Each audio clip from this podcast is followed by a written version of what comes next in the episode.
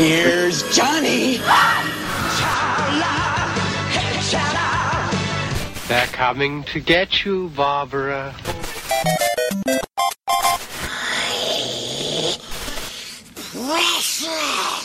Expecto Patronum! Look at me, Damien. Yippee-ki-yay, motherfucker. eherbata.pl Gonna be legend. Wait for it. It's a trap. Dairy. Legendary. Żarłok i Skóra i Mando, Jerry. Szymas.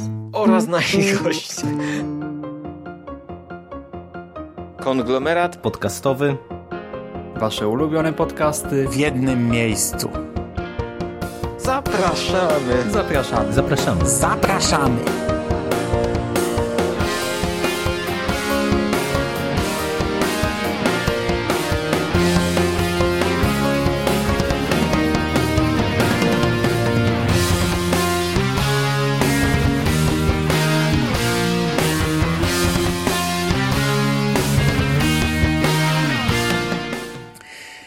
Witamy w konglomeracie podcastowym. Czyli na platformie zbierającej wszystkie wasze ulubione podcasty w jednym miejscu.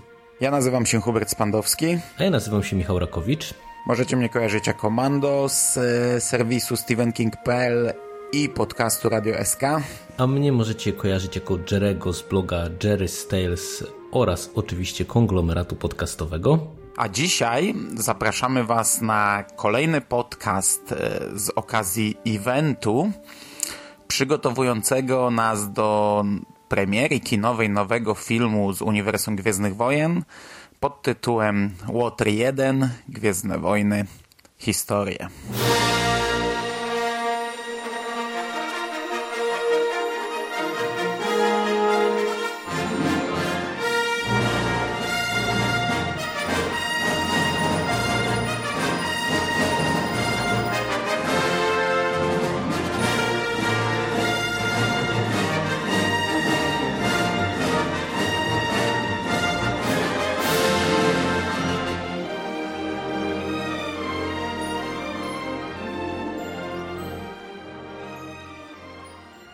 Witamy Was w czwartym eventowym podcaście Gwiezdnowojennym, czy w zasadzie piątym, y, uwzględniając także podcast solowy Mando o X-Wingach.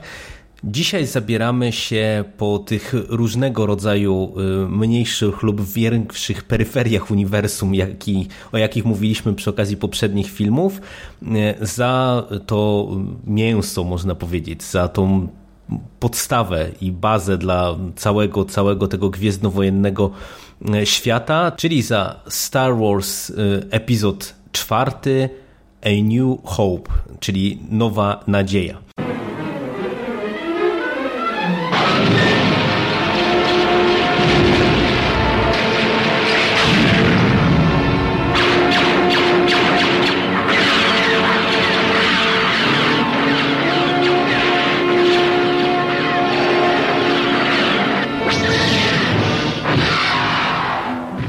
Twentieth Century Fox and George Lucas bring you an adventure unlike anything on your planet.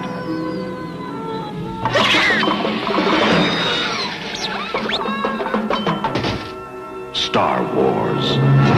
Stop that ship! Faster!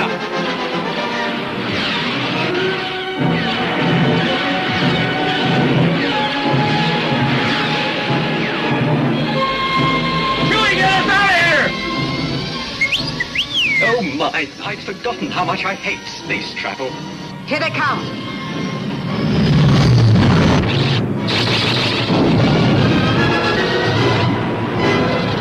You're coming in too fast! The story of a boy, a girl, and a universe. Help me, Obi-Wan Kenobi. You're my only hope.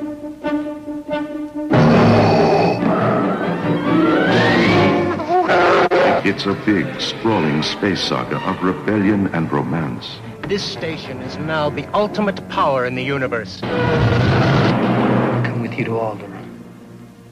There's nothing for me here now. I want to learn the ways of the Force and become a Jedi like my father. It's a spectacle, light years ahead of its time.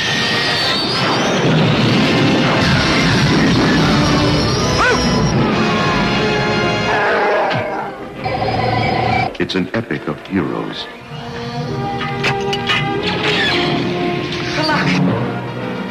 Hit the accelerator. and villains and aliens from a thousand worlds. Go that way. You'll be malfunctioning within a day, you nearsighted scrap pile.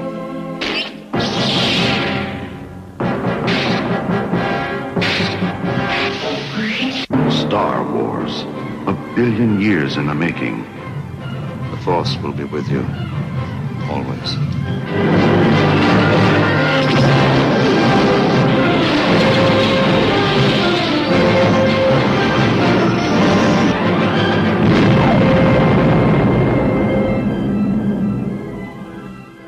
Przy czym od razu warto zaznaczyć, że ten film z 1977 roku w oryginale był znany tylko i wyłącznie właśnie pod tytułem Star Wars. I tak jak Wam wspominaliśmy już nieco przy okazji podcastu o The Star Wars Holiday Special, właśnie no, ta kupa, którą tam ten film telewizyjny się okazał, e, zaowocowała no, bardzo szybkim wprowadzeniem do kin Star Warsów e, ponownie, ale właśnie już z nowym podtytułem i z wprowadzoną numeracją, która y, wielu fanów myli po dziś dzień, no bo można powiedzieć, że y, jest to taki swoisty paradoks, że y, stara tak zwana trylogia ma numerki 4 do 6, a nowa trylogia ma numerki 1 do 3. No i to, i to już pierwszy temat rzeka, nie? Jak oglądać. Zależy kto się kiedy urodził. My jesteśmy tymi przedstawicielami starszych fanów, więc raczej chyba, no, no ja absolutnie uznaję tylko i wyłącznie tę kolejność 4, 5, 6, 1, 2, 3 i w taki sposób omawiamy też to tutaj w konglomeracie. E, fani nieco młodsi e, pewnie już uznają tę drugą kolejność. E, Natomiast fani tacy jak nasz kolega Szymas, który podkreślmy to jeszcze raz, nadal nie oglądał Gwiezdnych Wojen, żyje w ogóle w jakiejś bańce w innym świecie, bo był dość zdziwiony, gdy powiedzieliśmy mu w jakiej kolejności ma to oglądać. No dokładnie, to jest, to jest właśnie te, to, to takie mm, lekkie zamieszanie, jakie wprowadziła ta, ta numeracja właśnie jeżeli chodzi o filmy kinowe. I tak jak wspomnieliśmy, film miał premierę w roku 1977, ale tak na dobrą sprawę, no już e, sama historia jego powstania to już e, no jest, e, można powiedzieć, kolejny poważny temat, dlatego że Lucas pierwsze wersje scenariusza to miał napisane już chyba na początku lat 70., gdzieś tam w 73, 74 i ten film z tego co można poczytać właśnie o tych wczesnych wersjach scenariusza, no dosyć mocno ewoluował przez te lata. I to jest sama ta ewolucja scenariusza to jest jeden ciekawy wątek, a drugim ciekawym wątkiem jest to, że no z obecnej perspektywy no myślę, że każdego, kto nawet filmów nie oglądał, ale każdego, kto po prostu jakoś tam kojarzy Gwiezdne Wojny jako no nie bójmy się tego słowa użyć, fenomen na, na skalę światową. Nie tylko właśnie taki medialny, ale pod kątem właśnie gadżetów y, i wszelkiego rodzaju innych y, no, dóbr kultury, które na, na tym fundamencie wyrosły. No, ten film miał swoiste problemy z tym, aby się przebić w ogóle do, do produkcji, dlatego że no, nie do końca chciano wyłożyć pieniądze takie, jakie Lukas widział na tę produkcję. No i no, można powiedzieć, że trochę musiał się wychodzić za, za, tym, za tą możliwością zrealizowania filmu, który, który chciał. Przy czym też ja nie wiem na ile to, to jest jakby tak w, na 100% historia pewna, natomiast z tego, co, co tutaj gdzieś wyczytałem przy okazji przygotowania do podcastu, to to też jest w sumie dosyć zabawne, że Lucas napisał Gwiezdne Wojny jakoby po swoim takim rozczarowaniu tym, że nie uzyskał praw do Flasha Gordona, którego chciał ekranizować jako właśnie tako, taki swoisty film wysokobudżetowy gdzieś tam science fiction, e, no ale, ale w związku z tym, że właśnie poległ na etapie dogrania e, praw, no to trochę na złość wszystkim tym, którzy w niego nie wierzyli, no to zdecydował się właśnie pójść w kierunku e, autorskiego scenariusza, no i tak, tak narodziły się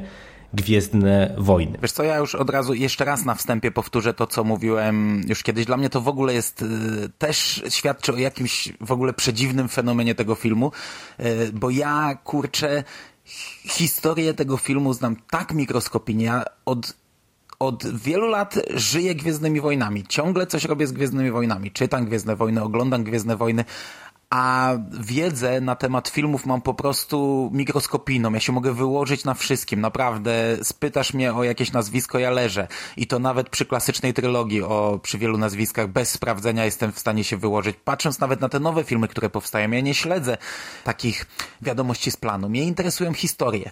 Dlatego ja jestem takim, takim fanem, który wiesz, książki jasne, komiksy jasne, nie? Filmy świetnie, ale to, jak one powstają, to, kto je robi, to e, cała ich historia i te anegdotki, to mnie nigdy nie obchodziło i to jest dla mnie przedziwaczne takie zderzenie teraz, jak mam o tym nagle mówić i po prostu mogę się na wszystkim wyłożyć. Aczkolwiek to, co ty powiedziałeś z tym Flashem, no to z tego sobie zdaję sprawę, ponieważ czytam powiedzmy od roku, tak sobie powoli, książkę, która rok temu została wydana, Gwiezdne Wojny, jak podbiły Wszechświat. To jest świetna książka, chociaż e, polskie wydanie jest koszmarnie złe. Skrzywdzona przez tłumaczenie kiedyś tam chyba. gdzieś powiem, ale też pewnie o tym czytaliście, bo to zostało wydane bardzo szybko, żeby tylko urżnąć ten kawałek tortu przed przebudzeniem mocy i jest katastrofalnie złe, ale właśnie no przeczytałem tam, nie wiem, przez ten rok przeczytałem ze 200 stron, tak to czytam naprawdę powoli, nawet może nie ze 150 i właśnie cały czas takie, wiesz, wprowadzenie tego, jak Lukas dochodził do tego, żeby zająć się Gwiezdnymi Wojnami. Jeszcze nie, do, jeszcze nie doszedłem do kręcenia Gwiezdnych Wojen i tam było bardzo dużo o Flashu Gordonie, właśnie o jego fascynacji komiksami, serialami z gatunku space opera i no i, no i właśnie to, co mówisz, to akurat mogę faktycznie przyklasnąć, potwierdzić, tak, tak było. Natomiast mówiłeś, że pierwszy, pierwsze wersje scenariusza tam od kilku lat. Nie mam pojęcia, ale z tego, co właśnie czytam w książce, no to on w zasadzie od zawsze, od początku, jeszcze zanim gdzieś tam, nie wiem, zajął się w ogóle nauką e, robienia filmów, to już gdzieś sobie pisał historię właśnie o, o kosmicznych żołnierzach, czyli o szturmowcach i, i gdzieś tam ta, ta historia się kuła tak naprawdę u niego przez całe życie. No i w sumie o, o tyle to jest istotne, co wspomniałeś, że na tych e, historiach e, z samego powstania filmu łatwo się wyłożyć, że ja myślę, że tu się obaj zgadzamy, że my nie będziemy chcieli się na tym za bardzo skupiać, dlatego że w zasadzie pewnie o każdym z tych elementów można by było nagrać pewnie osobny podcast, osobną historię, no, no bo to się faktycznie czyta z lekkim niedowierzaniem, jak pewnie w przypadku wielu podobnych historii filmowych, gdzie y, mamy do czynienia z jakimś tam obecnie kultowym hitem, a y, okazuje się nagle na etapie gdzieś tam czytania o filmie, że na przykład jedno czy drugie studio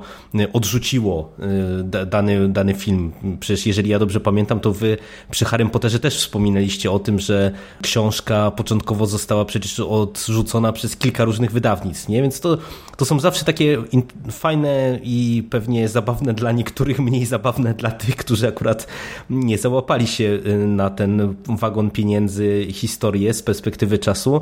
Ale to, co y, warto wspomnieć też mi się wydaje na początku, właśnie zanim przejdziemy do samego filmu, to to, że mm, właśnie przez to, że Lukas tak bardzo wychodził, można powiedzieć, ten film i to jest dzieło tak y, bardzo mocno autorskie, to jemu się udało osiągnąć też na tym etapie coś, co w sumie no, wydaje mi się nawet z perspektywy obecnej nie jest e, standardem, mm, czyli właśnie to, że, co też już wspominaliśmy w jednym z wcześniejszych podcastów, że on przez lata był takim no, bogiem tego świata, że, że po prostu udało mu się zapewnić pełnię praw i do sequeli, i do właśnie całego tego potencjalnego na tamtym etapie e, merchandisingu, czyli wszystkich zabawek i, i całego rozszerzonego uniwersum. No bo to, to, to jest o tyle interesujące, że y, pokazuje, że nie tylko Lukas y, wierzył w swój film, y, nie tylko jakby chciał mieć jakby nad tym pełną kontrolę, taką powiedziałbym kreatywną, czyli żeby miał pełnię pełną wolność wykreowania tego świata, ale, ale właśnie też już no, pomyślał w przyszłość zdecydowanie o tym, żeby y, no, jeżeli to uda mu się zrealizować, to jakieś tam jego marzenie, jakiś tam plan, no to żeby mógł y, z tą raz obraną ścieżką iść przez długie lata właśnie nie niepokojony przez y, potencjalne studia, które na przykład, nie wiem, by chciały coś namieszać w przypadku sequeli. No i to jest dla mnie o tyle interesujące, no, że to były lata 70. No, jak się nieraz spojrzy właśnie na, na Hollywood w tamtym okresie, no to widać, że to, to, to, nie było e, standardem w tamtych czasach. No my kiedyś w innym miejscu omawialiśmy przecież serię Martwe Zło i, i tam wspominaliśmy właśnie o czymś zupełnie innym, gdzie nagle się okazało, że oryginalni twórcy właśnie przez jakieś tam niedopatrzenie no, pozbyli się tak na dobrą sprawę prawie że całościowo praw do, do swojego dzieła i przez lata, zanim to, to dzieło do nich powróciło, no to no to były z tym problemy. Więc no to dla mnie to jest właśnie o tyle ciekawe, że ta, ta jedna taka no bardzo świadoma decyzja Lukasa zaowocowała no tak na dobrą sprawę po części tym fenomenem i tym całym obecnie znanym jako legendy rozszerzonym uniwersum, które gdzieś tam przecież przez Lukasa właśnie przez te wszystkie lata było kontrolowane, a, a wyniknęło to właśnie z tej jednej świadomie podjętej przez no, Lukasa jest, decyzji. Dla mnie to jest mega fascynujące. Ja y, w ogóle w ogóle to jest dla mnie niepojęte. Człowiek, bo to zadziałało jakoś tak, teraz też mogę głupoty mówić, ale tam za bardzo nikt chyba nie wierzył w ten film. Ten film miał być jakąś tam C-klasową no, nikt produkcją. Nie wierzył. Nikt nie I tam wierzył. raczej studio nie pokładało w nim jakichś wielkich chyba oczekiwań, także, e, także przekazanie praw Lukasowi to chyba, chyba to nie stanowiło problemu dla studia, ponieważ nikt raczej nie uważał, że to zostanie jakoś tam dalej pociągnięte. Ja nie wiem, czy to nie, nie było tak, że Lukas zrezygnował z jakiejś tam części pieniędzy właśnie y, za prawa tak, tak, do tak, marki. Tak, I to, kurczę, to jest nie tylko o tyle fascynujące, że on ma, miał przez te kilkadziesiąt lat prawa przecież do tych ośmiu literek, czyli wszystko, co było podpisywane Gwiezdnymi Wojnami było jego, w tym, wiesz, nie, nie tylko zabawki, zabawki kosztowały mnóstwo, ale cała machina, cała machina, przecież na wszystkich konwentach, każdy autograf, każdy aktor, który chciał podpisywać zdjęcie, licencjonowane zdjęcie, no to musiał też płacić za prawo do postaci, które należały do Lukasa.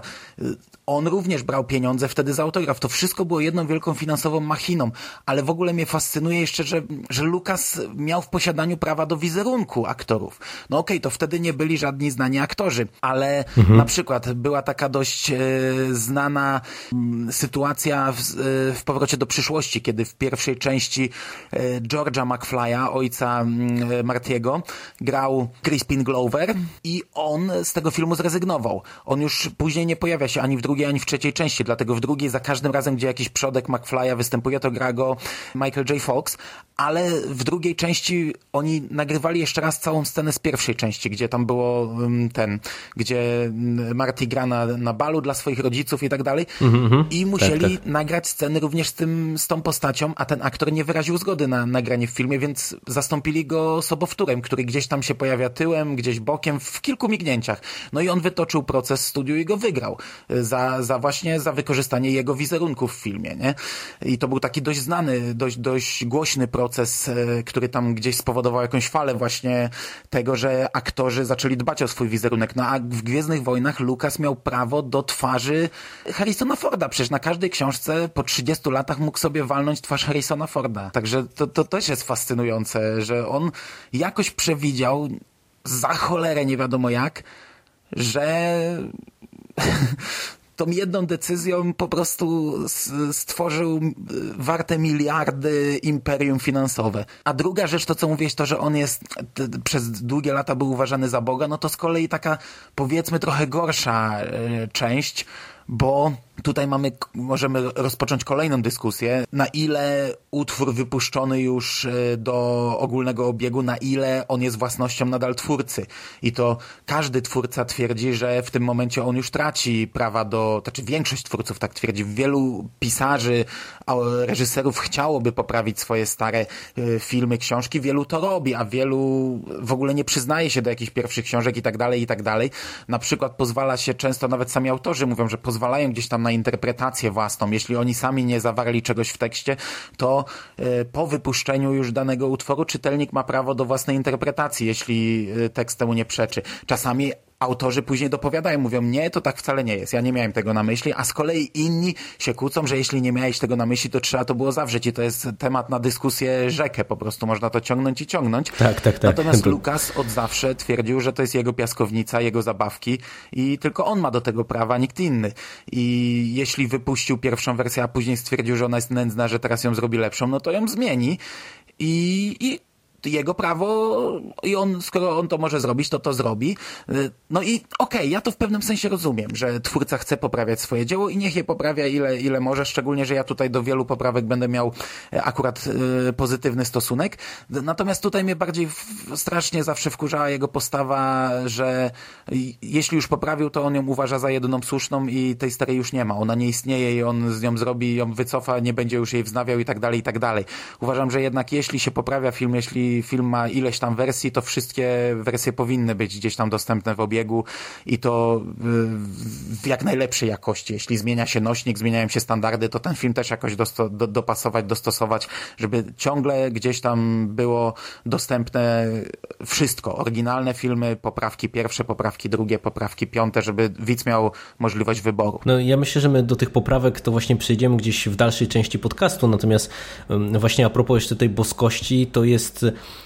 dla mnie też w ogóle taki swoisty fenomen, no bo e, przez lata jak e, to takie gwiezdnowojenne imperium się budowało, no to właśnie e, przez ten swój statut, e, jaki, jakiego Lukas dorobił się przez lata, no on stał się postacią tyleż e, uwielbianą, co znienawidzoną. Ja, ja już wspominałem właśnie przy Holiday Special chyba, czy nawet przy wstępniaku o tym dokumencie George Lucas vs. The People, który całkiem nieźle właśnie też pokazuje właśnie różne odcienie tego no, fascynującego zjawiska, jakim jest właśnie to, to, to, o czym tutaj mówimy, czyli to, że z jednej strony mamy, no w sumie nie bójmy się użyć tego słowa, jakiegoś tam wizjonera, no bo, bo trzeba to odbierać trochę w tych kategoriach, tak jak wspomniałeś przed chwilą, no nikt w ten film nie wierzył, nikt nie, nie, nie sądził, że po prostu to, to może można przekuć tę historię na jakiś tam sukces, y, nie mówiąc o, o tym, żeby y, pewnie komuś przeszło przez myśl, że, że może się zrobić z tego taka maszynka do zarabiania pieniędzy, Y, ale z drugiej strony właśnie mamy te takie no, cienie z, z, tym, z tym wszystkim związane. No i ja też mam trochę ambiwalentne odczucia, dlatego że z jednej strony, no ja nawet y, we wstępniaku, co chyba wyleciało przecież ze wstępniaka, to, to też przy zmianach będziemy mówić, to ja się nawet dałem nabrać na, na to, że pewne rzeczy były w oryginalnym filmie, tym z 77 roku, których tam nie było. Więc, więc po prostu to jest tak, że widać, że z tej perspektywy to pewnie to podejście Lukasa, y, okej, wtedy po prostu nie dano mi pieniędzy, nie było budżetu, nie było możliwości, żeby zrobić to tak, jak ja chcę, to jest podejście jakoś tam racjonalne czy uzasadnione. Natomiast właśnie to, czego, to, to z czym trudniej się pogodzić, to jest właśnie to, że jedna, jednak Lukas przez lata, no z drugiej strony właśnie starał się dosyć mocno zwalczać wszystko, co było nie po jego myśli. No i to jest, to jest taki trochę dziwny zabieg, a, a w szczególności no, w ramach potęgi rosnącej internetu, no to się zrobiło, wydaje mi się, jeszcze, je, jeszcze bardziej taka, no nie wiem, czy można powiedzieć tak zaognione, czy, czy, czy jak- jakby cały ten konflikt trochę zaczął narastać, no bo z jednej strony y, fani mający dostęp właśnie do jakichś tam starszych filmów i do internetu mogli zrobić sobie y, z tymi filmami wszystko, no przecież to pokłosiem właśnie tego są wszystkie te edycje jakieś tam Des, Des Specialized, czy jak to się tam nazywa, ta edycja właśnie, która y, jakby usuwa wszystkie poprawki naniesione przez Lukasa przez lata. Y, Mamy różnego rodzaju montaże, o których też przy okazji wstępniaka y, mówiliśmy, no a Lukas jednak przez lata to, to dosyć mocno i aktywnie zwalczał, co, co jest mocno dyskusyjne też z mojego punktu widzenia, ja się tutaj w pełni z tobą zgadzam. Okej, no i po 22 minutach wstępniaka, rzeczy, które równie dobrze mogły znaleźć się we wstępniaku, warto by przejść do samego filmu. No to, no to myślę, że zaczniemy od takiego chociaż drobnego zarysu fabuły, żeby na przykład nasz kolega Szymas się nie pogubił, jak będzie nas słuchał. Nowa Nadzieja jest historią Luka Skywalkera. Y, nastolatka z planety, z pustynnej planety, który jest y, sierotą, dorasta jest wychowywany przez y, wujostwo, którzy są farmerami.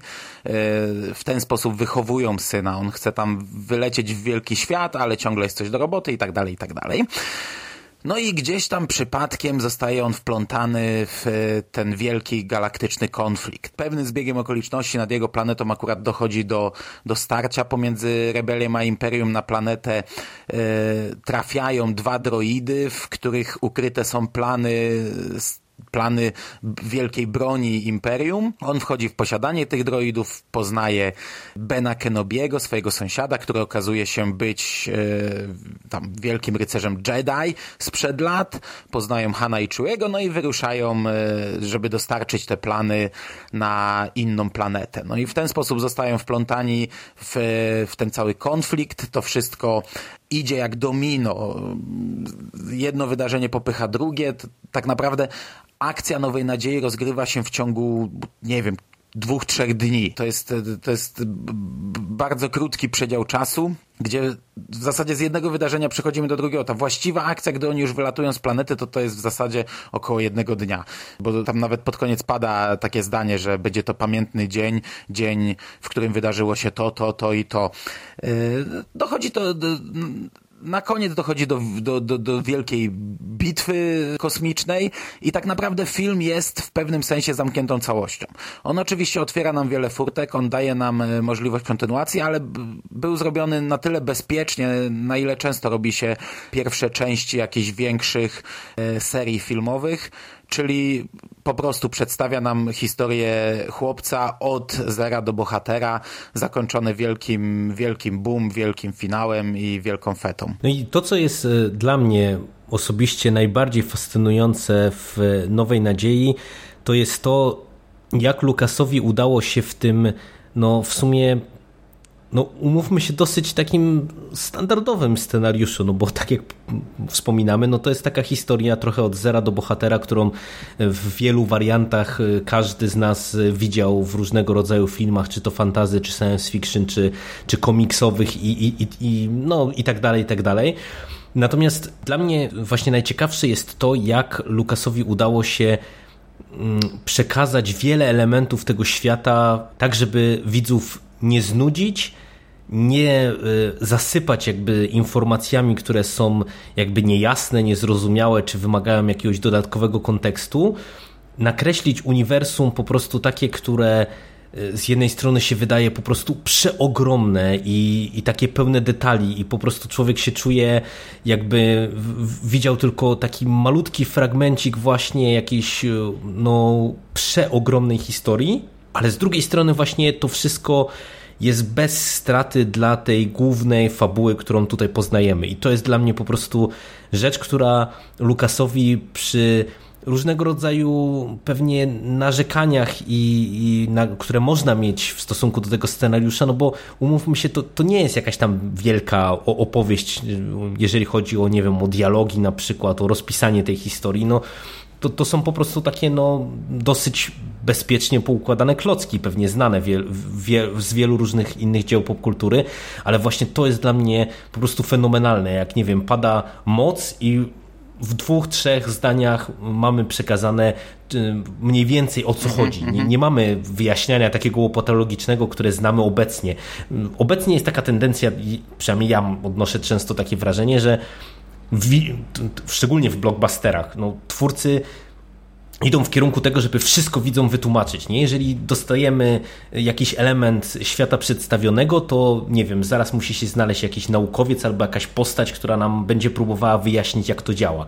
A tutaj nie. To ten, ten film jest zbudowany właśnie z takich mm, klocków, które mają pewien potencjał do rozwinięcia albo, albo pokazują, że to jest tylko pewien element historii, ale tutaj nikt się nie przejmuje tym, żeby wyjaśnić nam detalicznie o co chodzi. No przecież e, nie będzie to jakiś wielki spoiler, no bo to jest, można powiedzieć, jest e, początkowy etap filmu. Jak mamy spotkanie chociażby Luka z e, Benem Kenobim i, i na przykład tam padają informacje takie, takie jak to, że nie wiem, że Anakin Skywalker był właśnie ojcem Luka i że on był uczniem Bena No jest powiedziane, Kenobiego. że walczyli e, razem i- w Wojnach Klonów, a to przecież Tak, dopiero tak. dziesiątki lat później zostało rozwinięte. Nie? To po prostu taka była tylko rzucona informacja. By, było, było na przykład rzucone w tym samym dialogu to, że Darth Vader zabił Anakina i tak dalej, i tak dalej. Po prostu, wiecie, mamy jeden krótki dialog, który jest napakowany po prostu toną informacji, które dają z jednej strony człowiekowi e, takiego poczucie właśnie, że uczestniczy w jakimś po prostu mega epickim, w mega epickiej intrydze, e, ale one są na tyle czytelne i na tyle też e, jakby nie zakłócają właśnie te, tego, co się dzieje, że po prostu to się chłonie jak po prostu jak gąbka. I, I też to, co mnie fascynuje na etapie właśnie Nowej Nadziei, to jest na ile Lukas faktycznie miał ten świat poukładany, bo ja po prostu jak e, oglądałem sobie te filmy, no już wielokrotnie starą trylogię, chronologicznie gdzieś tam powtarzałem, to e, ja mam e, często takie wrażenie, że on tu jednak pewne rzeczy rzucał, ale on nie miał tego przemyślanego.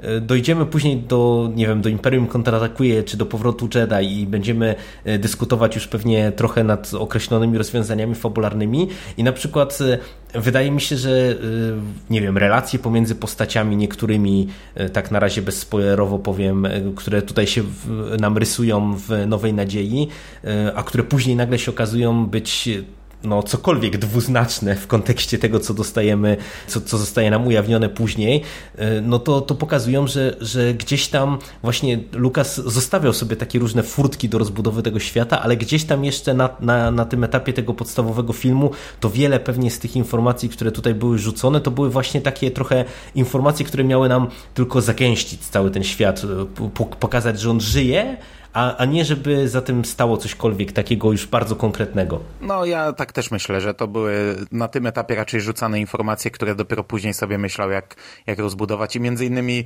przez to, że nie zostały jakoś wyjaśniane, tylko były po prostu rzucane wielokrotnie, to, to miał taką możliwość. Tutaj na starcie też warto zaznaczyć dla tam ludzi, którzy mają mniejsze pojęcie o Gwiezdnych Wojnach, że to nie jest science fiction. To też na to trzeba zwrócić uwagę. Tym, my mówiliśmy o tym, że to jest prosta historia od zera do bohatera, a to też jest e, prosta baśń. Po pierwsze nie jest to science fiction, bo tutaj w zasadzie nie ma science, tylko jest to wszystko takie raczej... raczej Nie, no to jest, jeśli już to, to no, space bajkowe. opera. Po drugie, po drugie, to jest też taka klasyczna baśń. Mamy księżniczkę w opałach, mamy rozbójnika, który ją ratuje, mamy tam złego jakiegoś, e, powiedzmy, odpowiednik czarodzieja, jakiegoś złego. Ta moc to też jest takim trochę odpowiednikiem magii. Tutaj często ludzie się czepiają różnych takich e, braku, braku logiki w fizyce, w, w Gwiezdnych Wojnach. E, Dla mnie absolutny kretynizm, bo film, film, który zakłada już e, świat e, rządzący się tak y, niezwiązanymi z nauką prawami, no to możemy sobie darować to, że na przykład dźwięk w kosmosie jest, czy, czy inne tego typu elementy, ale jest to po prostu baśń. To nie jest takie science fiction jak, nie wiem, jak Star Trek, jak, jak Battlestar Galactica, tego typu rzeczy.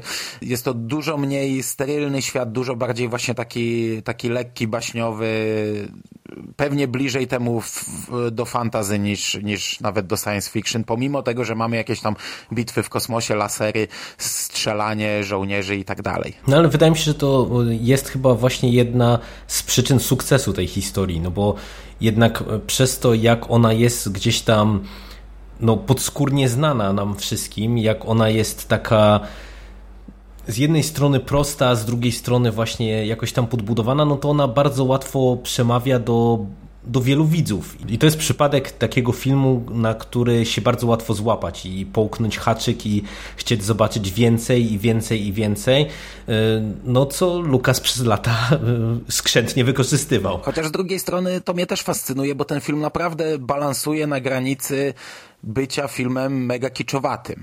Jak e, ja nieraz oglądałem ze znajomymi, gdzieś tam weszła, wiesz, weszła żona spo, znajomego, spojrzała na chwilę, no i się za łapała, wiesz, tutaj jakiś ryczący niedźwiedź, tutaj ludzie w jakichś takich plastikowych ubraniach, tutaj y, jakaś księżniczka, jakieś, jakieś tego typu rzeczy.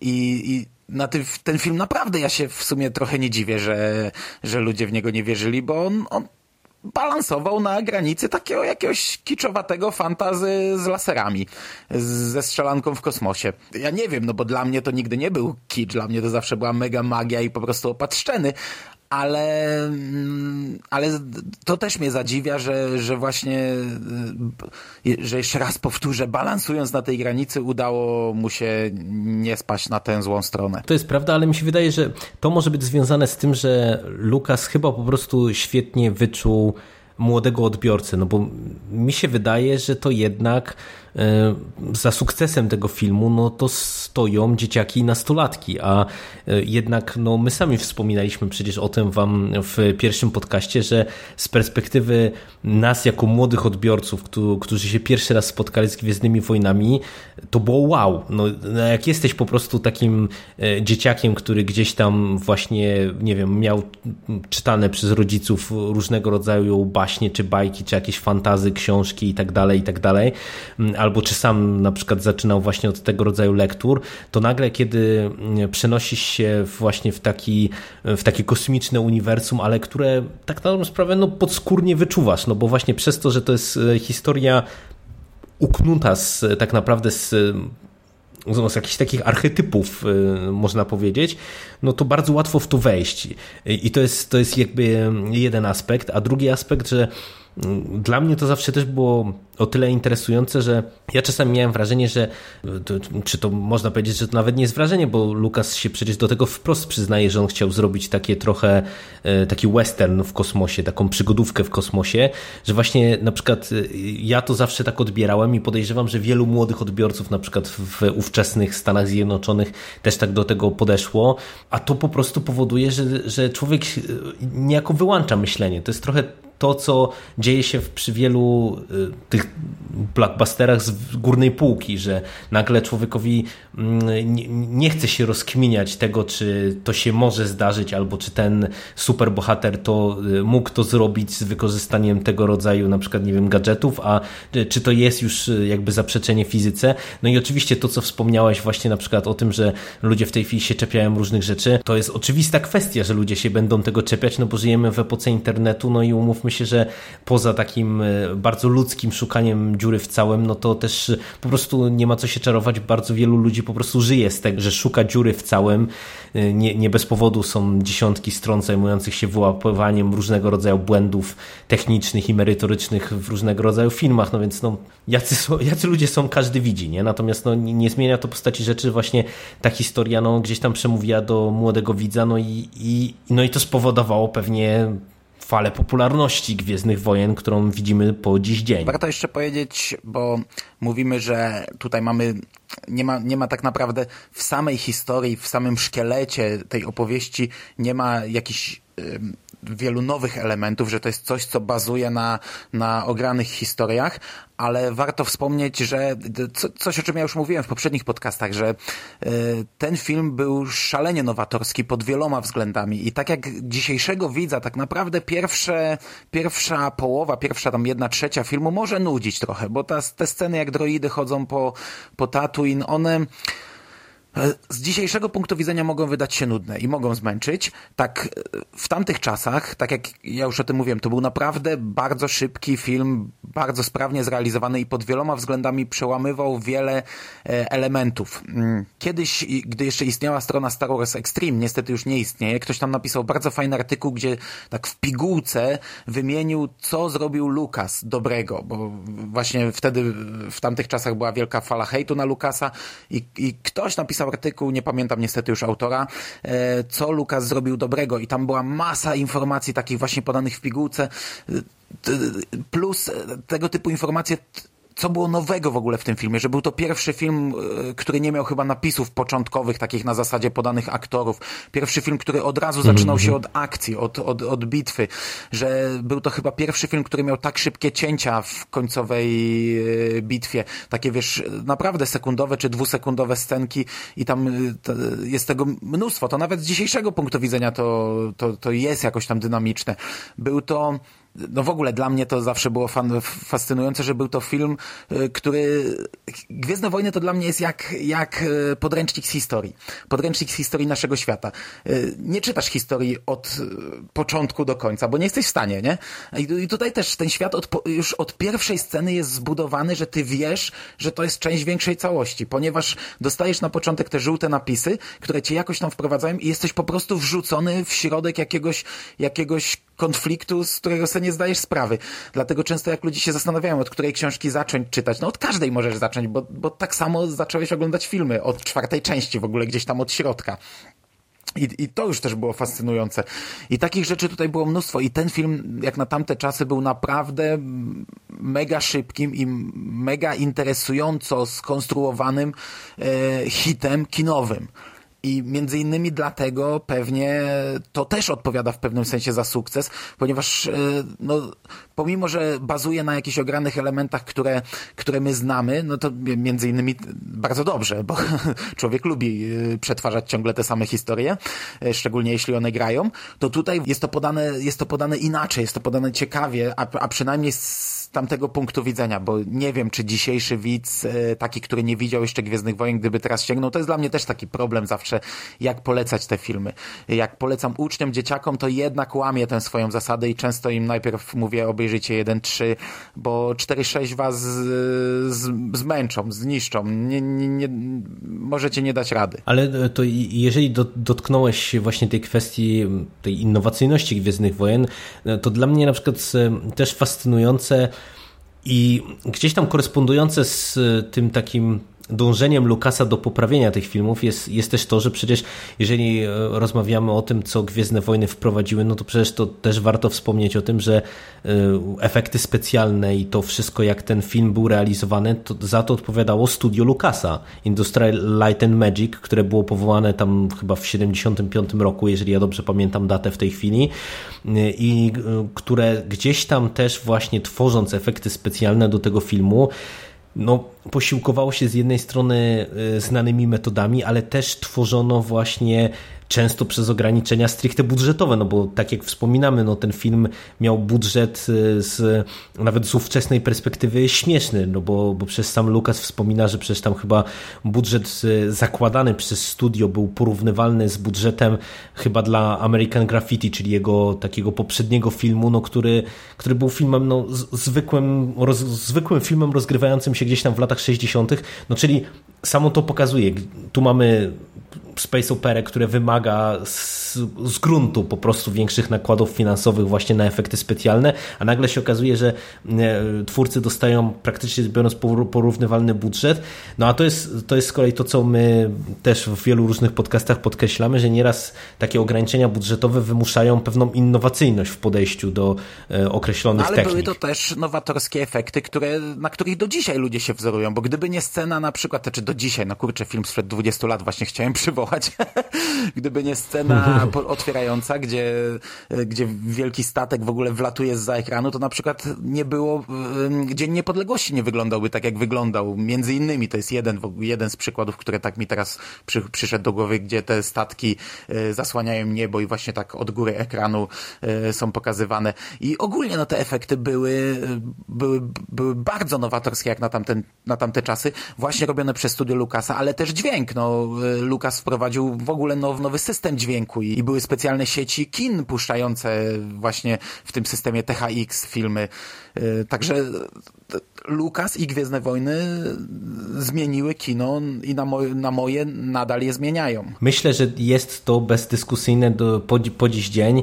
Także no ty, tym, którzy gdzieś tam Lukasa e, obciążają wieloma różnymi grzeszkami, no wiele mu można zarzucić, ale właśnie trzeba pamiętać, czy jak to się mówi, oddać, oddać cesarzowi co, co cesarskie i gdzieś tam wspomnieć właśnie o tym, że no, co łatwo w tej chwili zapomnieć z obecnej perspektywy, no już przecież zaraz 40 lat od premiery mm, tego filmu, no że jednak y, to, to gdzieś tam mimo wszystko było po prostu dzieło wizjonerskie pod wieloma względami, mimo nawet takiej swojej wtórności fabularnej, o której tutaj e, wspominaliśmy. No i tak jak wspominamy o, o tym, o tych różnych aspektach technicznych, y, nie ruszyliśmy tak na dobrą sprawę praktycznie biorąc w ogóle e, tematu aktorów. No, gdzieś tam troszeczkę liznęliśmy tej kwestii przy okazji The Star Wars Holiday Special, kiedy wspominaliśmy o tym, że cała oryginalna obsada się w tym filmie e, pojawia. Natomiast e, no, gdzieś tam też warto wspomnieć o tym, że George Lucas wybierając aktorów właśnie do Gwiezdnych Wojen no sięgnął gdzieś po nazwiska no nieznane, umówmy się, i po aktorów takich, którzy byli obarczeni pewnie pewnym też ryzykiem, no bo oprócz y, aktorów znanych i uznanych, bo przecież y, niektórzy współczesni widzowie mogą nie kojarzyć, czy, czy mogą nie wiedzieć, że na przykład obecność y, Petera Cushinga w roli wielkiego Mofa Tarkina no to było pewnie jako, jakieś tam wydarzenie z perspektywy ówczesnych e, miłośników kina, e, dla, dlatego że jednak no, Cushing e, to, to była ikona właśnie współczesnego kina. No, no to oprócz właśnie tego rodzaju aktorów właśnie jak Cushing czy chociażby Alec Guinness, który wcielił się w rolę Bena Kenobiego, to mieliśmy aktorów tak na dobrą sprawę raczkujących, bo, bo przecież w młodego Luka Skywalkera wcielił się Mark Hamill, w Księżniczkę leje się w wcieliła Carrie Fisher i to byli aktorzy, no praktycznie biorąc... Debiutujący, no Carrie Fisher nie, niemalże debiutowała w Gwiezdnych Wojnach, no to była córka e, jakichś tam celebrytów i znanych postaci, to była jakaś tam znana postać przez to, że była dzieckiem znanych postaci, ale ona w zasadzie, w zasadzie można powiedzieć, że w Gwiezdnych Wojnach debiutowała, tam wcześniej miała jakieś dwie role, natomiast e, Harrison Ford, no jedyny aktor, który w zasadzie osiągnął później sukces, no to wtedy też był tak naprawdę młodym aktorem, no ale Guinness to był aktor e, wyższego kalibru, bo to jest e, facet, który w zasadzie od lat 40. występował w filmach i był aktorem znanym. Peter Cushing e, również, to, no to była ikona głównie Hammer Horror i to mnie też w sumie zawsze mi się strasznie podobało, że Gwiezdne Wojny e, sięgały po tych aktorów, bo tutaj też pojawia się David Prowse, chociaż to nie każdy może wiedzieć, bo jest to e, aktor, który wciela się w rolę Dartha Vadera, a później nie słyszymy jego głosu, bo jego głos jest zdubbingowany przez Jamesa Earla Jonesa, także w zasadzie nie widzimy Davida Prosa, bo gdy tam w końcowym, w ostatniej, w szóstym epizodzie y, jest ściągnięta maska, to już wtedy jest twarz innego aktora. Natomiast on chodzi przez trzy filmy w tej zbroi i odgrywa tak naprawdę wszystkie te sceny, a David Prowse to też była może nie taka ikona jak ta wielka trójka hammerowska, ale on też zagrał w kilku Frankensteinach y, i, i też był dość e, taką charakterystyczną postacią, bo on był dość potężnym aktorem i on właśnie się dobrze sprawdzał w roli, e, w roli Frankensteina. A mówię, że mi się to podobało, bo również w nowej trylogii sięgnięto po aktora no, Christopher Lee z, z, ze stajni Hammer Horror, który był aktorem właśnie tego samego kalibru co Peter Cushing, bo oni we dwóch przecież e, tam nie wiem, no trzycyfrowe liczby filmów nagrali. Jeszcze tylko Vincenta Price'a brakowało, żeby, żeby się pojawił gdzieś tam w którychś Gwiezdnych Wojnach. Ale tak, to faktycznie ta obsada jest, y, była yy, nieznana i, i, to fajnie, to dobrze, mi się to podoba. To, to o tyle było fajne właśnie, że w tym filmie tak na dobrą sprawę można powiedzieć, że mieliśmy no, debiut właśnie paru aktorów, którzy no, gdzieś tam później zabłysnęli, bo tak jak mówisz, no, Harrison Ford był jedynym tak na sprawę z tej trójki głównych aktorów, który e, zrobił większą hollywoodzką karierę, natomiast e, no, nawet jeżeli weźmiemy pod uwagę to, że Mark Hamill i Carrie Fisher są kojarzeni głównie z, z Gwiezdnymi Wojnami po dziś dzień, no to jednak e, oni w, dzięki Gwiezdnym Wojnom chociażby właśnie w tym hollywoodzkim świadku zaistnieli. No i tak jak wspominaliśmy o tym właśnie, że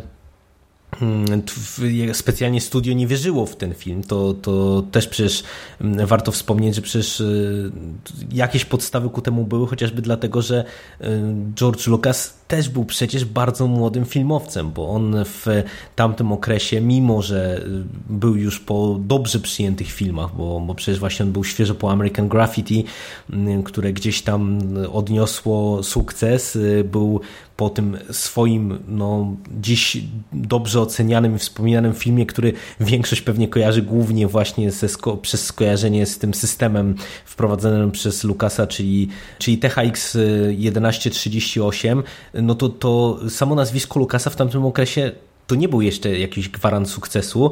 E, natomiast właśnie dobierając sobie aktorów, czy dobierając sobie ekipę, e, no to też e, myślę, że należy wspomnieć jeszcze o jednym nazwisku, bo Lucas sięgnął po znanego ze współpracy ze Spielbergiem, chociażby przy okazji Szczęk, za którą to ścieżkę dźwiękową dostał też Oscara, Johna Williamsa, no bo umówmy się, że jeżeli mówimy o Gwiezdnych Wojnach, no, no to praktycznie rzecz biorąc, myślę, że z dużą dozą prawdopodobieństwa możemy założyć, że nawet jeżeli ktoś filmów nie kojarzy, czy ich nie znał, no to na pewno kojarzy właśnie ścieżkę dźwiękową i ten charakterystyczny motyw stworzony przez Williamsa, y, który gdzieś tam no nie, no, zdefiniował to może złe słowo, ale gdzieś tam jest y, strasznie mocno zakorzeniony właśnie w całym tym uniwersum.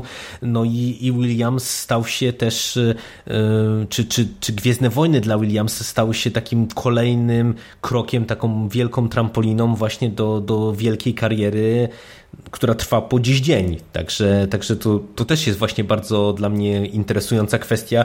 Kolejne, kolejne nazwisko, które po prostu gdzieś tam dzięki Gwiezdnym Wojnom między innymi po prostu doczekało się sławy. Muzyka robiła ten film, bo tutaj muzyka to jest główną rolę w zasadzie, jedną z najważniejszych ról gra w tym filmie, szczególnie, że jest jej bardzo dużo i szczególnie, że e, tak jak wiele filmów ma jakiś charakterystyczny motyw, tak zwykle to jest jeden motyw. Tam, nie wiem, z Indiana Jonesa e, pamiętasz, to jest chyba najbardziej charakterystyczny motyw filmowy, pamiętasz go.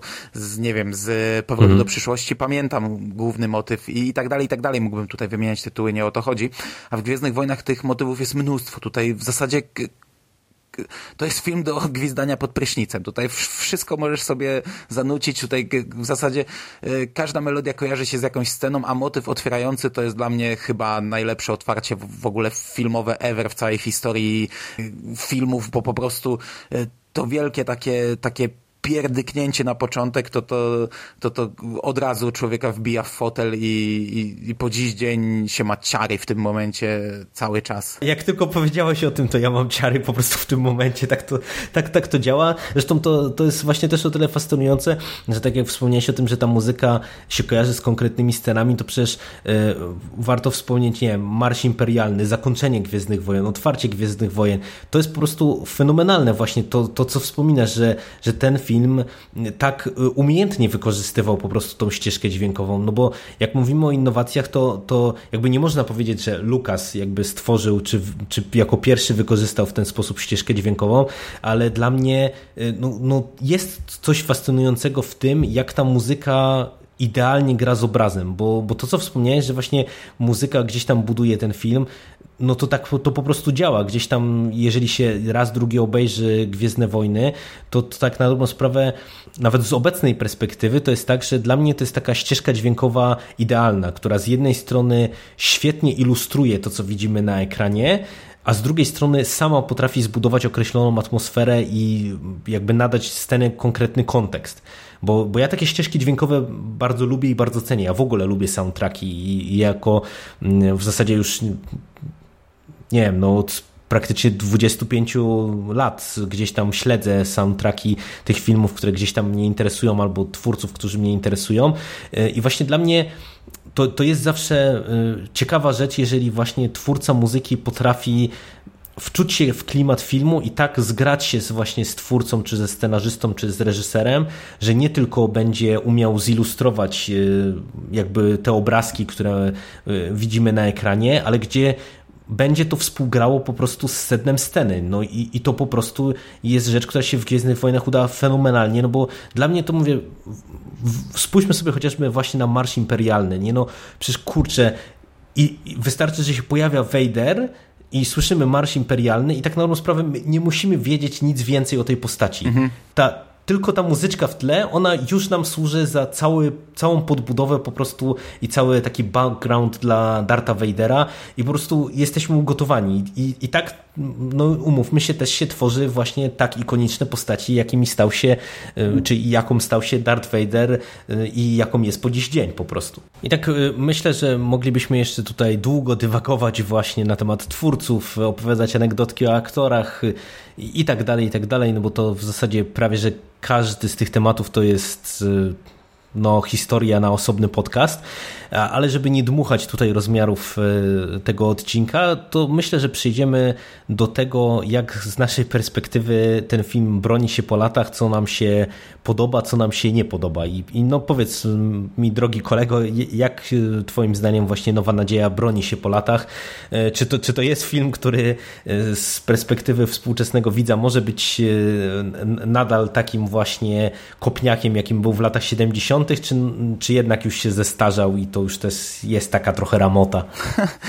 No trochę się zestarzał. No, nie, nie, kurde, film ma 40 lat. Kurde, no, no, i doszliśmy do tego momentu, ja w ogóle przed całym podcastem mówiłem, że nie mam nic do powiedzenia na ten temat, a tu godzina minęła, ale doszliśmy do tego momentu, gdzie ja nie mam zdania, no my za mocno siedzimy w tym, nie jesteśmy w stanie powiedzieć czy to się sprawdza, czy nie. Ja tak jak już mówiłem wcześniej, ja mam opory czasami przed e, dawaniem uczniom, polecaniem uczniom, bo wiesz, uczniowie wiedzą, że ja żyję Gwiezdnymi Wojnami, wystarczy, że idę do nowej szkoły, to po miesiącu już, już, już wiedzą, że to jest mój świat i, i zdarza mi się, rok temu przynosiłem uczniowi kolejne epizody i, i obejrzał, te 4-6 też obejrzał i mówił, że fajne. Fakt, że bardziej mu się chyba 1-3 podobało, ale e, no kurde, to jest ciężka sprawa, szczególnie, że za chwilę jeszcze przysiądziemy na chwilę do tych zmian. Tego oryginalnego, ten oryginalny, oryginalna, oryginalna wersja ta jest już ramotą, ta się zestarzała jednak trochę. Natomiast to, że to jest cały czas odnawiane, to jakoś tam pewnie jest bardziej przyjazne dla, dla aktualnego, obecnego widza.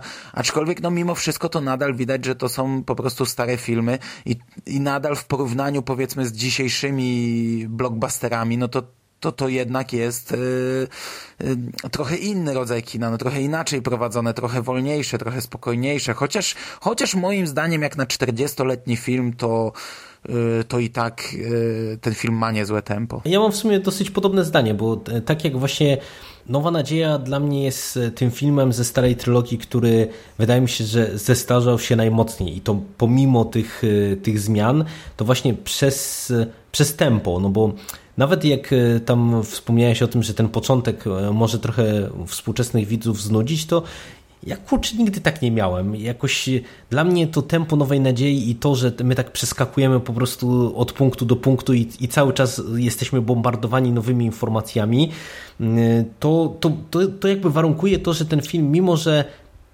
widać pod pewnymi względami, że to jest film 40-letni, to to czasami widać tak, na takich dziwnych poziomach, no bo na przykład y, cały czas y, jak pojawia się pierwszy raz księżniczka Leia na przykład, to to ja tak trochę się śmieję z politowaniem i pamiętam jak pierwszy raz z żoną oglądaliśmy wspólnie, to y, z jednej strony ona się naigrywała, że może zro, zrobię sobie te takie warkoczyki tutaj, że, żeby ten, żeby, żeby, żeby cię to bardziej kręciło, ale z drugiej strony to, to wiesz, to tak, to tak żeśmy się śmiali z tego, no bo, no bo ta księżniczka Leia no, wygląda po prostu no, dosyć idiotycznie, umówmy się, jeszcze w tej takiej jakiejś pociągłej albie czy czymkolwiek innym. No, no i to później są takie rzeczy, które z jednej strony są ikoniczne, z drugiej strony właśnie są obśmiewane po, po dziś dzień. Ale mimo wszystko, właśnie mimo tych takich różnych głupotek, które w tym filmie e, możemy znaleźć, których możemy się czepiać, pewnych takich naiwności, no bo, no bo gdzieś tam te, te, ta Nowa Nadzieja jest też właśnie takim filmem, y, no ja bym powiedział właśnie trochę naiwnym, właśnie taką bajką, taką baśnią y, po prostu, która y, no gdzieś tam jest tak idealistyczna w tym swoim podejściu, że właśnie no, no, no gdzieś tam to się momentami trochę dziwnie ogląda, ale ale właśnie, no mówię, to, to tempo, to, to, że ten świat się wydaje taki fascynujący, to, to na mnie gdzieś tam działa na tyle dobrze, że ja jestem w stanie ten film oglądać bez bólu. Natomiast no, wydaje mi się, że trzeba mieć e, świadomość tego i to właśnie jeżeli słuchają nas osoby, które z Gwiezdnymi Wojnami nie miały do czynienia filmowymi, no to, to na pewno warto brać poprawkę na to, że e, tak jak jest to klasyk kinematografii, no to, to jednak jest to film, który ma swoje lata. E, no, no i jednak to jest film, który po prostu z perspektywy obecnego widza pewnie zestarzał się tak sobie. Natomiast no, też przejdziemy przecież za parę dni do nowej trylogii i, i w sumie z perspektywy na przykład porównania tego, tak trochę zaspoilerujemy pewnie to, co będziemy mówić przy okazji nowej trylogii, to dla mnie zawsze też było fascynujące, że jak, jak robię sobie powtórki ca, całego cyklu i na przykład oglądam 4, e, 6 i później 1, 3, to lekko zadziwiające jest to, że w zasadzie ten czwarty epizod, czyli film no, 40-letni w przyszłym roku, w zasadzie wygląda pod wieloma względami lepiej i lepiej się prezentuje właśnie niż na przykład e, taki atak klonów. No, no Gdzieś tam lepiej. właśnie przez kwestie, przez, przez kwestie techniczne i przez to, że jednak e, twórcy e, w tamtym okresie gdzieś tam musieli się posiłkować tymi efektami praktycznymi, to, to, to jest dla mnie właśnie jakby fascynujący taki przykład magii kina, takiej, takiej wiesz, magii kina w stanie czystym, nie? Że, że po prostu nieraz chałupnicze metody, y, operowanie kamerą, y, sposób montażu, sposób zaprezentowania pewnych rzeczy y, i umiejętne wykorzystanie tego wszystkiego, no to to powoduje, że po prostu gdzieś tam nagle my jesteśmy się w stanie zatopić w tym świecie i nie czujemy tego, że to jest świat jakoś tam sztuczny czy wykerowany, tylko dajemy się porwać tej przygodzie, która, no mówię, mimo że ja oceniam najsłabiej Nową Nadzieję z całej starej trylogii, mimo wszystko, no to, to dla mnie to i tak nadal po latach jest bardzo, bardzo przyjemny film. A jak mówisz o chałupniczych yy, metodach, to to, to w ogóle jak, wiesz, jak jeździłem na konwenty i się rozmawiało z aktorami, to, to oni masę ciekawostek sprzedawali i tam bardzo wiele rzeczy to były robionych po prostu, co leżało na ziemi, to przyczepimy, wiesz. Imperialni mają na piersiach takie, takie metalowe coś, to to były długopisy. Ktoś przyniósł tam, nie wiem, ileś długopisów, to stwierdzili, że sobie je włożą tutaj, nie? A teraz ludzie płacą za idealne repliki tego, nie? Jakieś tam, jakieś tam elementy czegoś na pasku czy czegoś, to były jakieś rzeczy, które leżały na ziemi i zostały przyczepione nie? Żeby fajnie wyglądało i, i to tak było robione wtedy. A potem nową, a no, nowa, nowa trylogia, to wiesz, Lukas chodził z pieczątką, ludzie wystawiali całą tablicę koncept artów, a on podbijał pieczątkami, co akceptuje, co nie. Już trochę inaczej e, proces tworzenia wyglądał. No, zdecydowanie. No i myślę, że tak po takiej krótkiej naszej ocenie to pokusimy się o segment, który może uchodzić za spoilerowy, bo e, myślę, że warto by było powiedzieć o tych zmianach, bo to też jest e, ciekawa rzecz, że e, Nowa Nadzieja, która debiutowała w 1977 roku, to jest film, który do kin trafiał wielokrotnie. I to nie, nie chodzi mi o takie pokazy jakieś tam na zasadzie pojedynczy, pojedynczych jakby jakichś tam pokazów kinowych, tylko trafiał do dystrybucji tak na dobrą sprawę w latach już tam 70 78-79 niejako w kolejnych wersjach, a później przecież y, też parokrotnie, chociażby we wzmiankowanym przez nas we wstępniaku 97 roku, kiedy doczekaliśmy się tej edycji specjalnej, takiej no już bardzo mocno zmienionej. Znaczy do samych kin to chyba ostatecznie dwa razy tylko, nie wiem czy jeszcze więcej razy trafił. No miał jeszcze w 3D, ale z tego zrezygnowano po sprzedaży mm, dla Disneya, a, a, to też w dzisiejszych czasach to nawet to akurat nie jest aż tak jakoś e, wyjątkowe, bo jednak filmy tam na 30-lecie, na 40-lecie czy coś odnawia się i one wchodzą do kin jeszcze raz, nie? No to tak wszedł Juraj, Jurajski Park tak, tak, tak, i tak dalej, i tak dalej, nie? No a tylko, że tam to było w latach 90. No. Zgadza się, ale to tak jak wspomniałem właśnie, no to, to musi być trochę segment spoilerowy, więc e, tych, drodzy, drodzy słuchacze, którzy jeszcze nie oglądali e, Nowej Nadziei, to na chwilę polecamy się wyłączyć, no bo e, chcemy opowiedzieć teraz trochę o tych zmianach, które Czyli Lukas ja wprowadził. polecam im iść, usiąść, przemyśleć swoje życie dotychczasowe, obejrzeć Gwiezdne Wojny i wrócić i przeprosić. No. tak, wtedy, wtedy będziecie mogli nas posłuchać, ale niemniej, jeżeli nadal nie oglądaliście, to na chwilę polecamy wam przerwę, no bo będziemy dyskutować tutaj takie parę elementów, które gdzieś tam e, weszły już do klasyki kina, ale, ale właśnie uchodzą za jakoś tam dyskusyjne. No i, i warto właśnie wspomnieć trochę o tych zmianach i powiedz mi, Mando, i opowiedz może w ogóle o tych zmianach, które e, pomiędzy tą oryginalną wersją udostępnioną widzą w 77 a tym, co współcześni widzowie znają jako nową nadzieję, no jakie te podstawowe zmiany Ogólnie zaszły. zmian to jest mnóstwo, nie? No to jak sobie wpiszecie gdzieś tam w internecie, kiedyś na Bastionie było ze screenami wyróżni- wypisane wszystkie zmiany, ale to nawet nie wiem, czy jest w tej chwili, ale w necie bez problemu takie coś można znaleźć, przy czym to, to są nawet takie zmiany, gdzie tam wiesz, jeden wyraz się zmienił w napisach żółtych początkowych, albo trochę przestawiona, przestawione gdzieś tam słowa, albo coś, no bo te, tego typu zmiany też były, albo gdzieś tam kolor nieba i tak dalej, i tak dalej.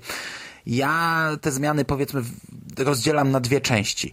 Jedne to jest takie podrasowanie filmu, I ja je akceptuję, pomimo że to trochę wypacza to, o czym mówiliśmy. Czyli mamy jakiś film, który e, coś tam zmienił w kinie, Natomiast w tej chwili już nie możemy tego w zasadzie obejrzeć, jeśli gdzieś tam nie znajdziemy oryginalnej wersji, bo my tutaj mówimy sobie o efektach, no ale tych oryginalnych efektów już nie zobaczymy w tych nowych wersjach. To jest wszystko jednak gdzieś tam poprawione, a nawet nagrane na nowo, bo tak jak ja już mówiłem, no ta cała, te całe bitwy kosmiczne są w zasadzie w dużej mierze nagrane na nowo.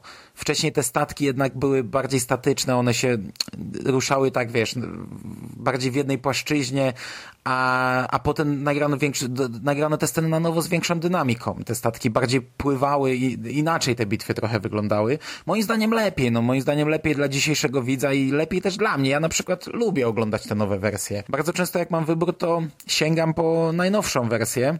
Pomimo, że zdaję sobie sprawę właśnie, że gdzieś tam kaleczę obraz tego filmu, że e, film, który właśnie tak zachwycał montażem, tak zachwycał efektami i, i różnymi tam e, rzeczami, no, no został zmieniony, to ja te zmiany akceptuję. No, a oprócz tego mamy Oprócz tego mamy zmiany na zasadzie, że tego nie można było zrobić w tamtych czasach, czyli w tym przypadku to jest ta scena z Jabą, o której, która wypadła nam ze wstępniaka, o której trochę tam sobie rozmawialiśmy. Ja, ja wspominałem właśnie o tym, że to jest to, co, co wyleciało, bo w sumie mm, to nawet nie chodziło o to, że ja tutaj popełniłem głupi błąd, bo ja opowiadałem o tej scenie jako o scenie, która była w oryginale, ale no właśnie nie chcieliśmy wam na etapie wstępniaka, wam mówię, mówię tutaj o słuchaczach, którzy z Gwiezdnymi Wojnami y, nie mają specjalnie do czynienia, trochę robić takiego fałszywego obrazu na dzień dobry i teraz już oddaję Ci z powrotem Mando głos. Powiedz, w czym ja się tak bardzo myliłem, jeżeli chodzi no o tą scenę. Jabba tak naprawdę w oryginalnej trylogii pojawia się dopiero w Powrocie Jedi. Wcześniej nie umiano stworzyć tej postaci za bardzo, natomiast scena z samym Jabą została nagrana, gdzie Han rozmawia z Jabą e, na Tatooine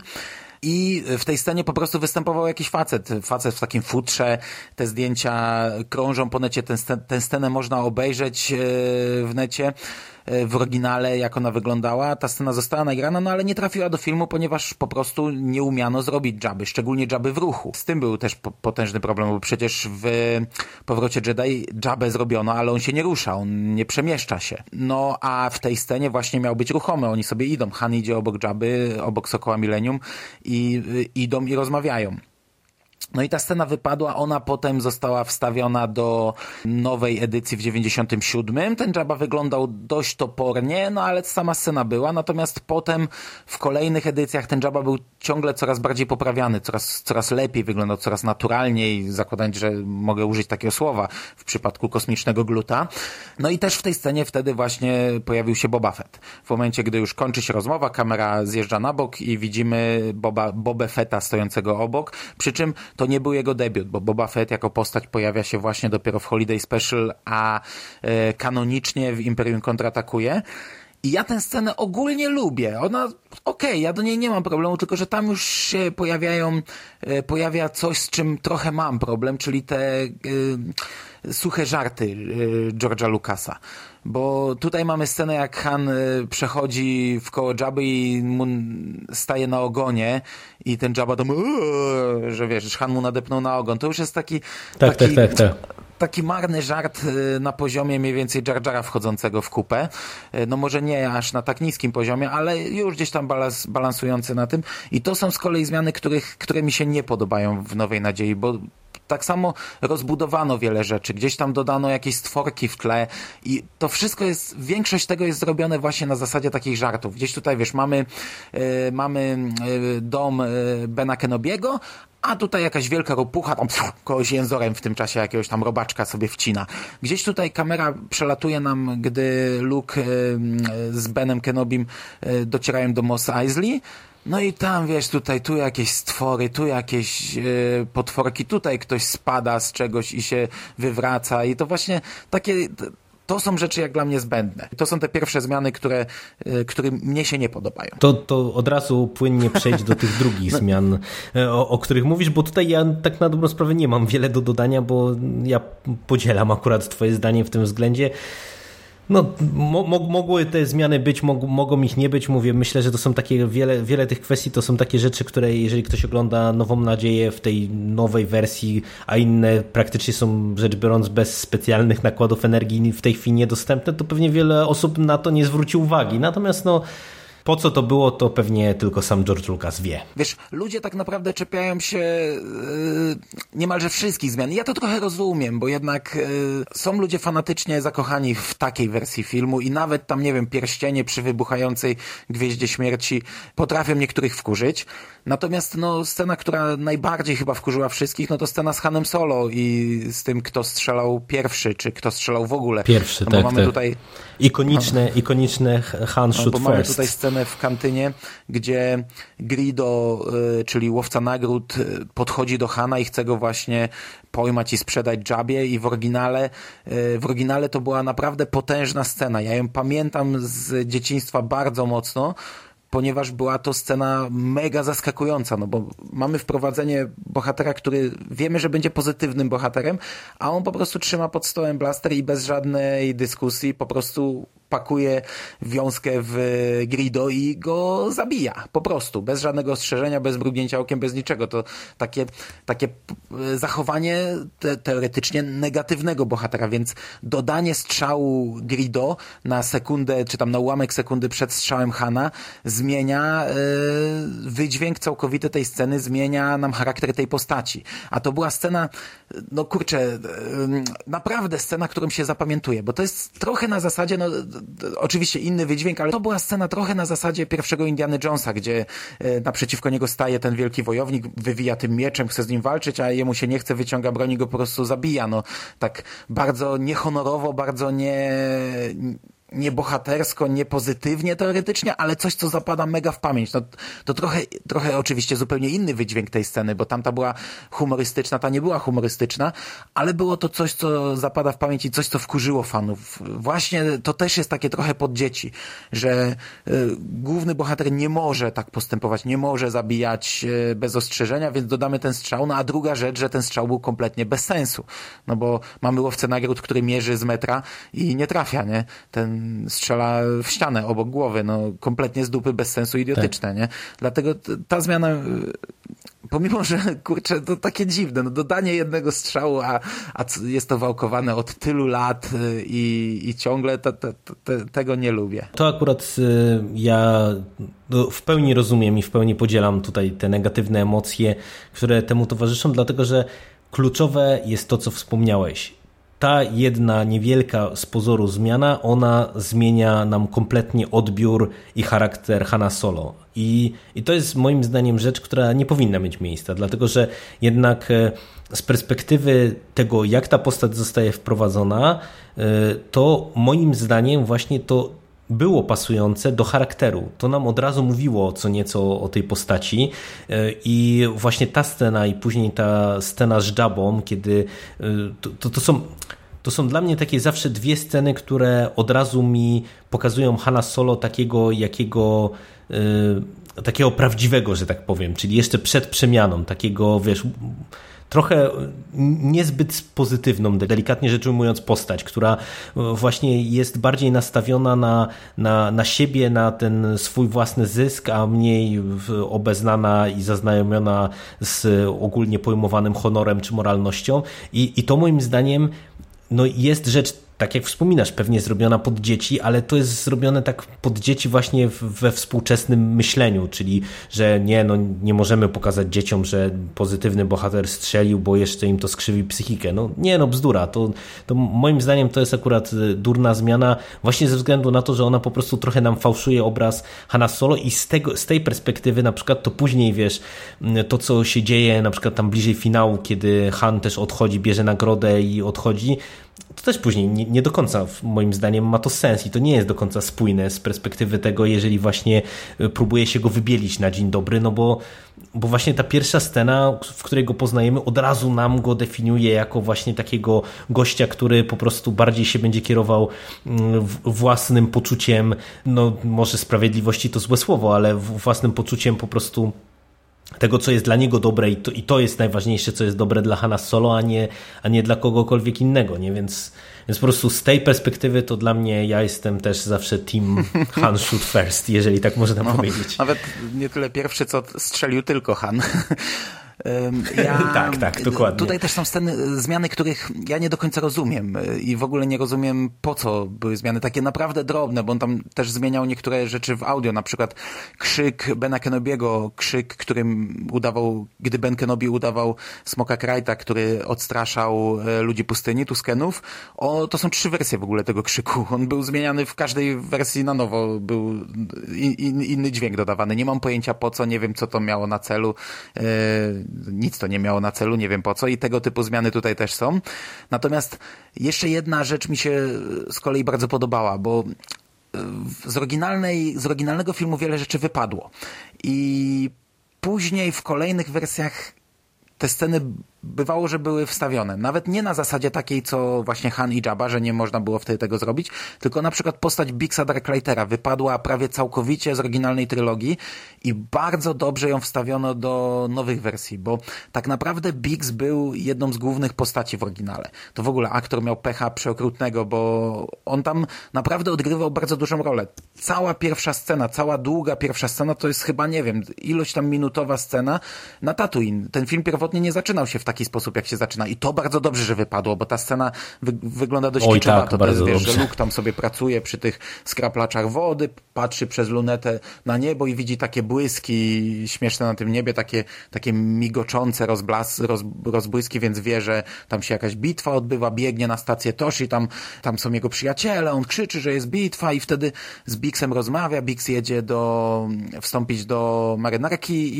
imperialnej i cała jest długa scena, Bix ma tam specjalny strój, to się wszystko pojawiało później w komiksie, Aczkolwiek no to, to w ogóle też nie grało y, z chronologią i nie grało z czasem, bo jeśli y, weźmiemy pod uwagę to, co mówiłem na początku, że ten film rozgrywa się w ciągu kilku dni, to tutaj przyjaciel wstępuje do marynarki, a na koniec jest już y, tam jakimś asem rebelii, wielkim pilotem rebelianckim, więc nie bardzo to grało, kiedy to się rozegrało wszystko, no ale to to tam jedna rzecz. To bardzo dobrze, że wypadła ta pierwsza scena, bo to wyglądało źle. Jakby ten film się tak zaczynał, to to jest właśnie złe rozpoczęcie. No, wybrano dobrą stronę. Natomiast z oryginalnego filmu Bix prawie całkowicie wypadł. Na samym początku Luke wspomina coś o Bixie, mówi właśnie o nim, że też chciałby, tak jak on, być pilotem, a potem go w ogóle nie ma. Potem po prostu Bix ginie. To jest wszystko. Nie ma żadnej sceny z nim. On po prostu jak lecą, jak lecą e, Luke, Bix i Wedge lecą e, tym tunelem w Gwieździe Śmierci, Wedge zostaje trafiony i musi odlecieć, a Bix ginie. Bix zostaje zestrzelony. Jest ta scena chwilowa, jak tam Luke się zamyśla. No ale kompletnie w ogóle nie ma e, kontekstu. Nie wiadomo dlaczego, czemu. No przecież on tego człowieka nie znał. On dopiero ich przed chwilą poznał, tych wszystkich rebeliantów. I Bixa wstawiono do, z powrotem, nie w całości, ale w dużej części do nowego filmu. Jest ta scena, gdy oni się spotykają przed samym wylotem, się witają, że są starymi przyjaciółmi, że nie uwierzysz ile przeżyłem, a ty nie uwierzysz ile ja, opowiemy sobie wszystko jak wrócimy. No i, i, i- to nadało jakąś tam większą głębię. Potem też chyba w, podczas bitwy Bix jest chyba częściej, ale to głowy sobie nie dam uciąć, no ale to nadało głębię tej, tej śmierci. E, Pokazało, że ta postać, wiesz, to, to miało sens, że ta postać poświęciła się dla Luka, że e, to był e, jego przyjaciel. Jest zrozumiałe, dlaczego Luke w tym momencie e, na chwilę się zawiesza i zamyśla i mamy taką tą ładną melodię.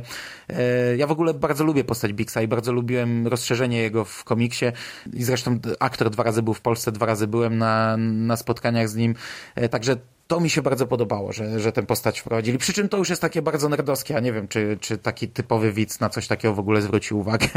Nie, no to, to są właśnie takie sceny, które, no tak jak mówisz, no one przede wszystkim skutkują tak jak strzał Grido e, skutkuje rozwaleniem spójności, tak właśnie te sekwencje z Bixem, no one właśnie powodują to, że ten film jest e, gdzieś tam bardziej poukładany, gdzie, gdzie jest nadany kontekst poszczególnym scenom po prostu, także to jest, to jest jak najbardziej spoko. Okej, no i to chyba wszystko. Tak, no i to chyba, to chyba wszystko. Mm, Trochę się żeśmy rozgadali. Myślę, że nie planowaliśmy powiedzieć aż tyle, zważywszy na to, że Mando tuż przed nagraniem powiedział, nie mam nic do powiedzenia o tym filmie. Naprawdę, naprawdę, bo ja tak jak mówiliśmy o Ewokach, tak jak mówiliśmy o Holiday Special, to są takie filmy, które pomimo, że mogą mnie męczyć, tak jak Holi- Holiday Special, tak lubię je omawiać, bo to są po pierwsze takie filmy, o których można bardzo dużo powiedzieć, a wcale nie zostało tak dużo o nich powiedziane.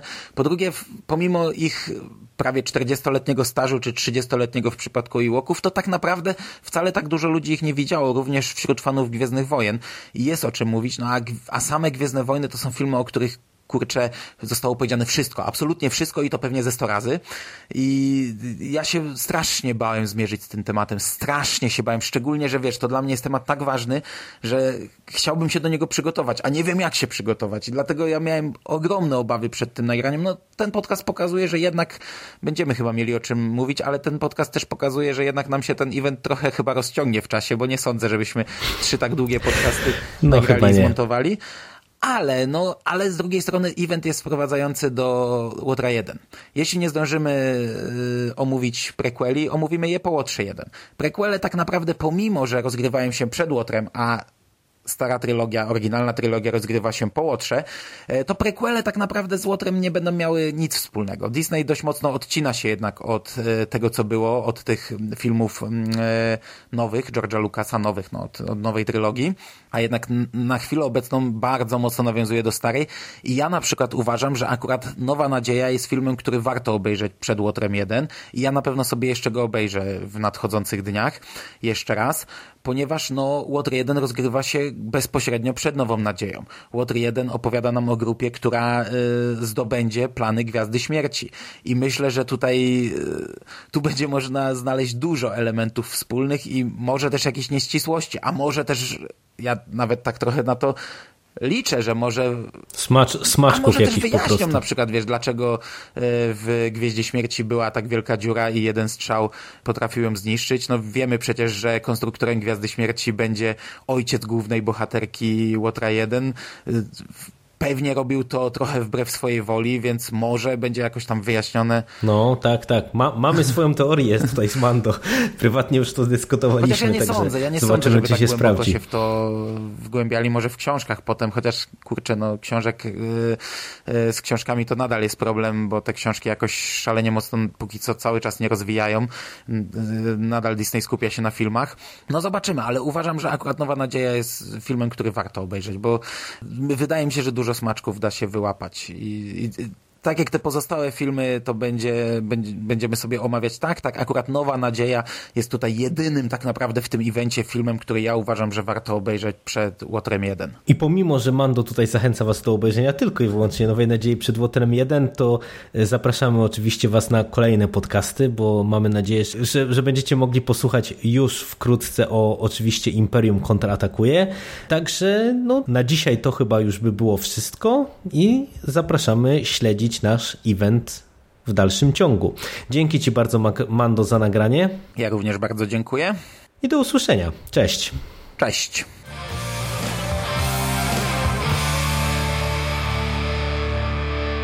You finished? That's it, man. Game over, man. It's game over. What the fuck are we gonna do now? What are we gonna do? It's over. Nothing is over! Nothing! You just don't turn it off!